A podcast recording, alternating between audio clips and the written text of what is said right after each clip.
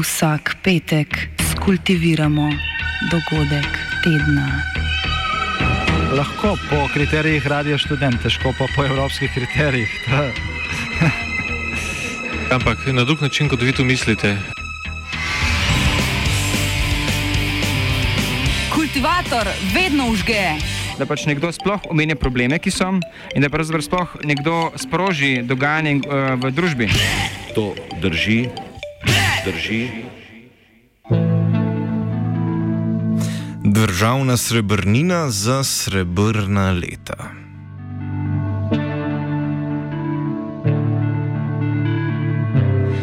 Koalicijski vrh je na srečanju na Brdu pri Kranju prišel do soglasja glede zloglasnega demografskega sklada, k ustanovitvi katerega so se zavezale vse vlade od leta 2013. Koaliciji je uspelo pripraviti pripraviti predlog zakona o demografskem skladu, ki gre zdaj v vladno obravnavo. Predlog bo po vladini potrditvi dobil ekonomsko-socialni svet, po besedah premijeja Janeza Janše pa ga bosta v opogled dobila tudi Zveza društev upokojencev in Mladinski svet. Zakon z dopolnitvami naj bi bil tako za obravnavo v državnem zboru pripravljen do konca novembra oziroma v začetku decembra.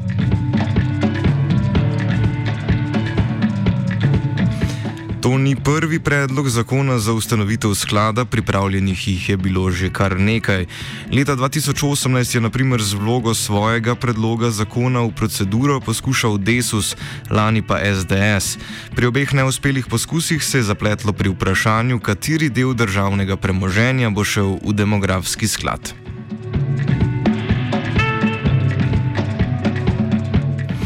Vlada Jane Zajanša je sicer na poti do zastavljenih ciljev že pred mesecem dni ustanovila urad za demografijo s sedežem v Mariboru, vodil pa ga bo minister brez listnice iz vrst Desusa.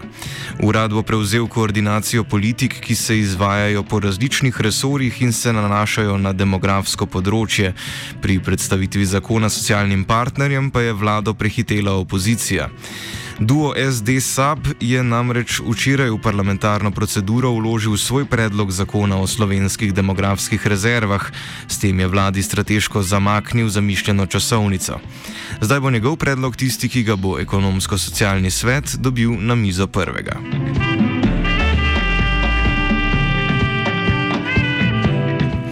Zaradi pospešenega staranja prebivalstva se že dolgo ukvarjamo z vprašanjem, na kakšen način se bodo v prihodnosti financirale pokojnine. Pred leti je bilo za dopolnjevanje pokojninskega sklada potrebnih vedno več sredstev iz državnega proračuna. V zadnjih šestih letih se poznajo učinki pokojninske reforme, ki je bila sprejeta leta 2012 in na to nekajkrat popravljena. Največ 1,4 milijarde evrov je moral državni proračun pri primakniti za pokojnine leta 2014, v zadnjem času pa ta vsota upada. Letos bo iz državnega proračuna treba zagotoviti nekaj manj kot 680 milijonov evrov. V časih gospodarske rasti se je nekoliko popravilo tudi razmerje med številom upokojencev in delovno aktivnih državljanov.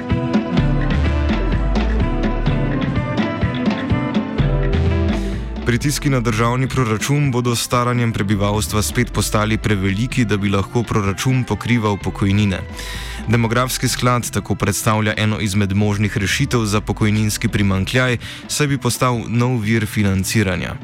Govorimo torej o skladu, ustanovljenem predvsem z namenom zagotavljanja dodatnih sredstev pokojninski blagajni za obdobje, ko bodo zaradi demografskega prehoda njeni odhodki večji od prihodkov.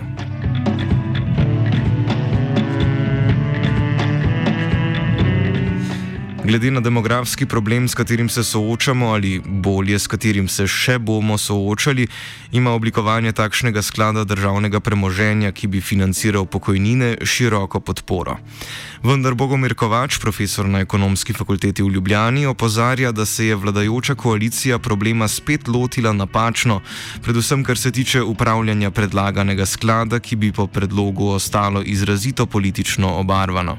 Pri nas se nasploh uveljavlja kultura, ki diktira, da se upravljanje državnega premoženja kolikor toliko pravično deli med pozicijo in opozicijo, kar pa je v nasprotju z načeli mednarodne organizacije za gospodarsko sodelovanje in razvoj z angliško kratico OECD.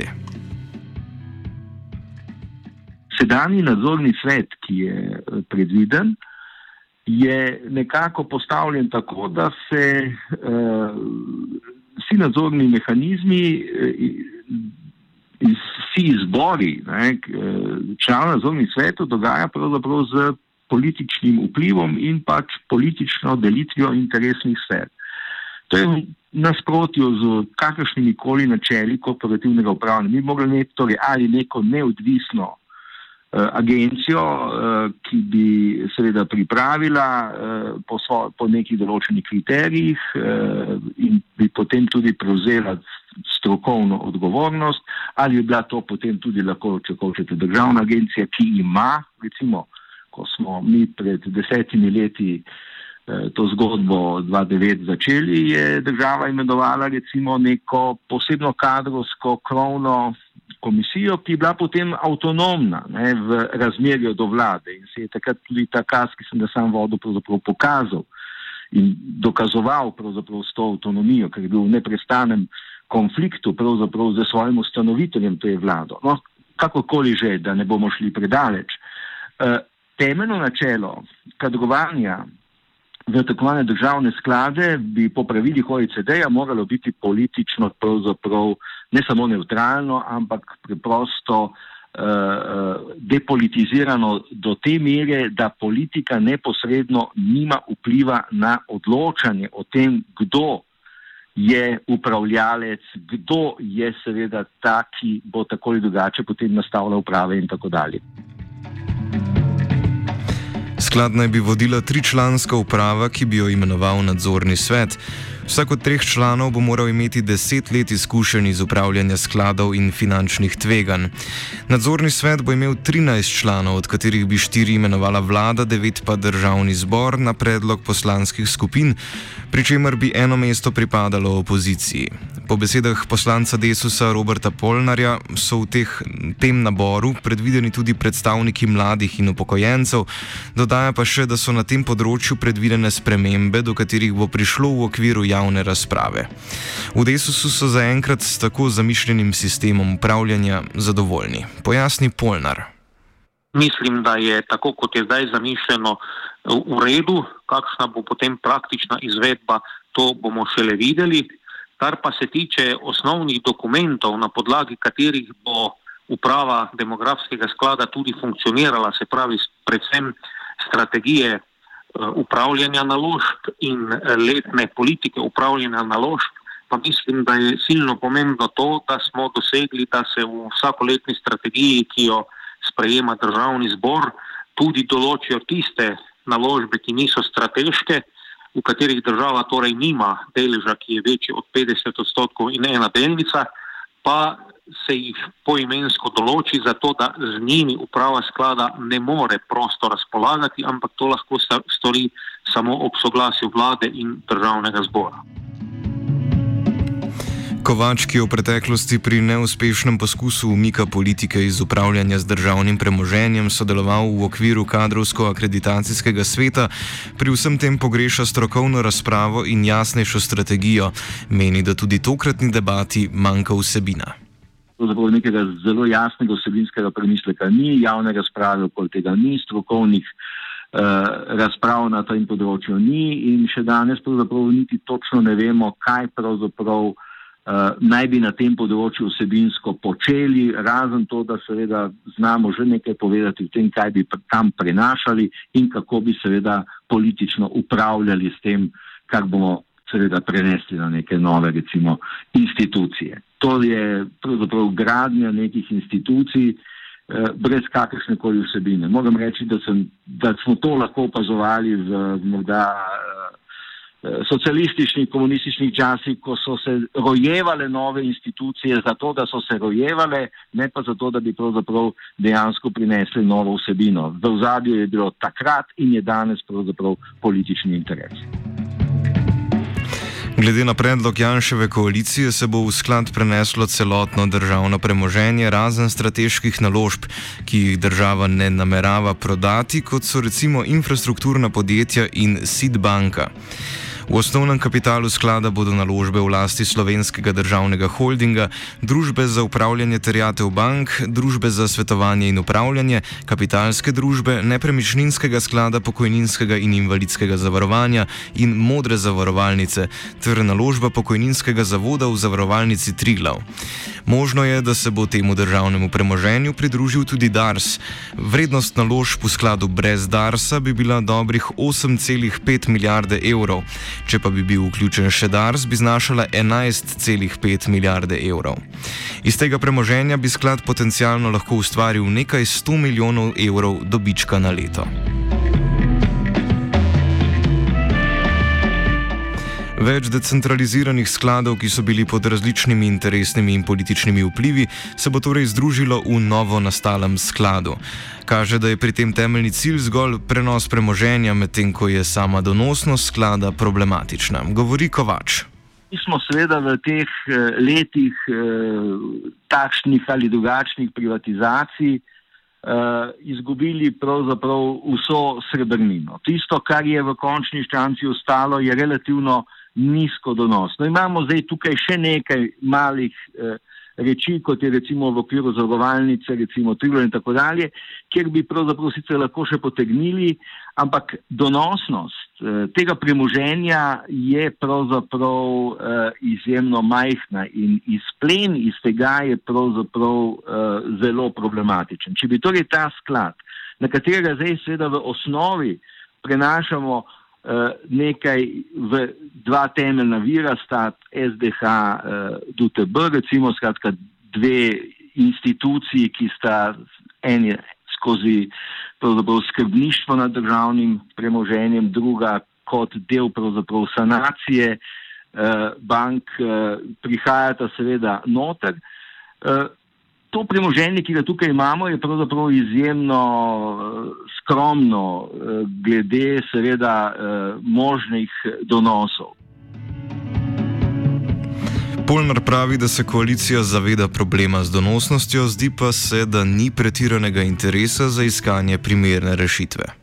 Noben demografski sklad v takšnem pokojninskem sistemu, kot ga imamo zdaj v Sloveniji, pa tudi v katerem koli bodočem, ne bo mogel v 100 odstotni vrednosti dopolnjevati ali pa zapolnjevati tistega, kar je trenutno v pokojninsko blagajno izplačevano iz državnega proračuna. Mi moramo vedeti, da leta 2019 je bila ta realizacija 965 milijonov evrov. Slovenija preprosto nima tolikšne količine nacionalnega premoženja, da bi lahko s 3, 4 ali 5 odstotnimi letnimi donosi dosegla tako visok izid. To moramo vedeti. Tukaj gre za to, da se čim več donosov iz tega premoženja nameni sofinanciranju pokojninske blagajne. Vemo pa že zdaj, in to vsi tisti, ki smo malo realni, vemo, da bo potrebno, neodvisno od bodočih pokojninskih reform, pokojninsko blagajno dofinancirati tudi iz državnega proračuna. V prihodnosti bi se lahko zgodilo, da bo sklad zaradi premajhne donosnosti podjetij dobiček ustvarjal iz prodaje premoženja, saj sklad omogoča precej enostavno privatizacijo.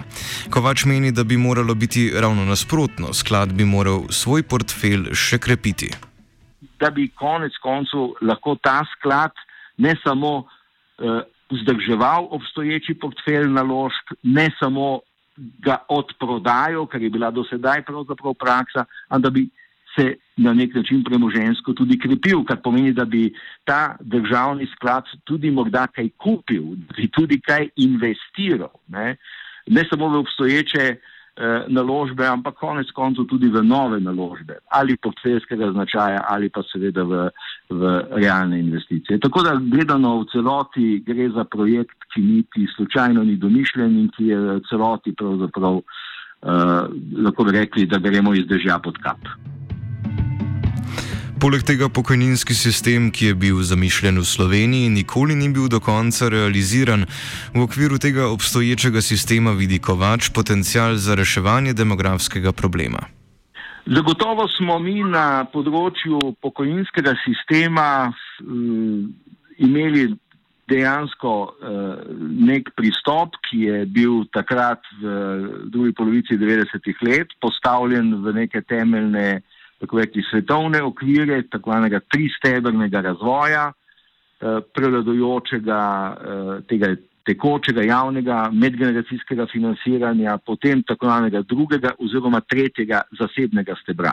Mi pravzaprav drugega in tretjega stebra, zlasti tretjega, ne, ki je pravzaprav zaseben, ne, v tem smislu mislim, da ljudje potem še posebej varčujejo in da jih država pri tem na nek način spodbuja, Mi tega preprosto nimamo. Se pravi, imate danes v bankah 25 milijard pravzaprav tekočih prihrankov prebivalstva Slovenije, ki ni vezan na recimo uh, v večjem delu recimo na takvani tretji stebr, se pravi na pokojninski del.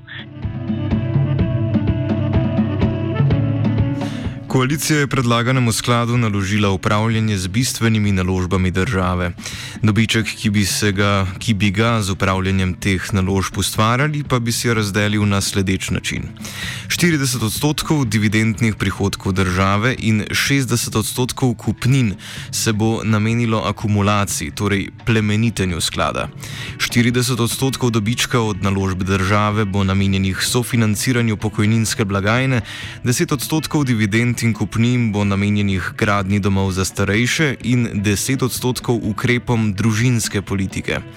Z družinsko politiko je mišljeno predvsem doseganje više rodnosti v državi, kar je že dolgo ena osrednjih tem programa NSI.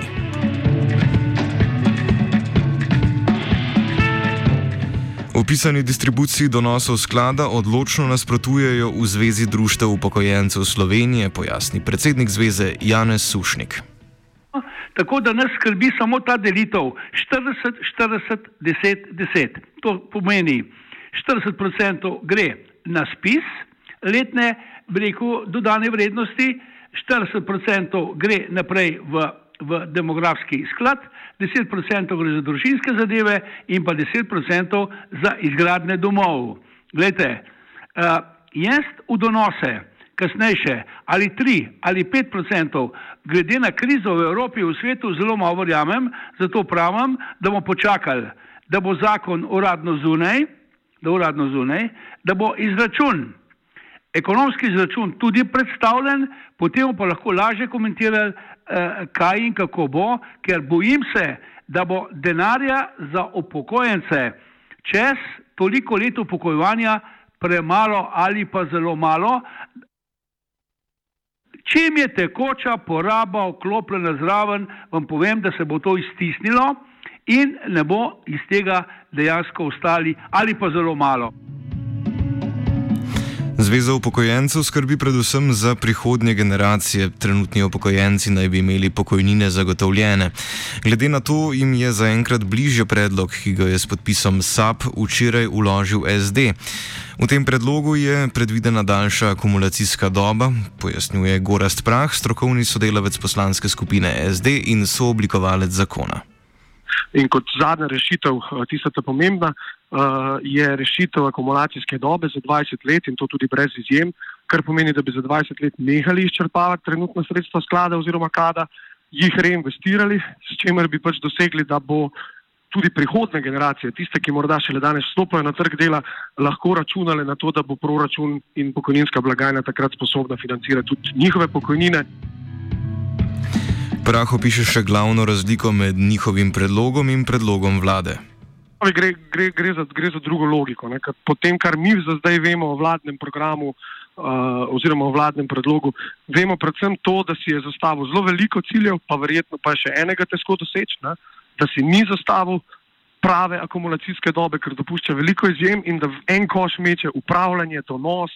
Um, cel kup stvari, ki so morda res pomembne, ne?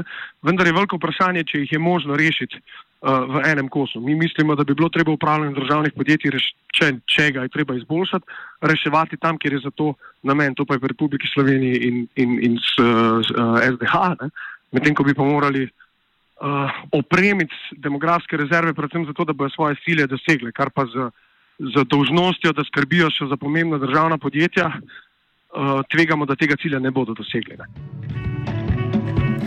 Vladni predlog poskuša bolj ali manj spremeniti sedanje obvladovanje podjetij v državni lasti, drugi predlog SD pa želi v čim večji meri ohranjati sedanje stanje.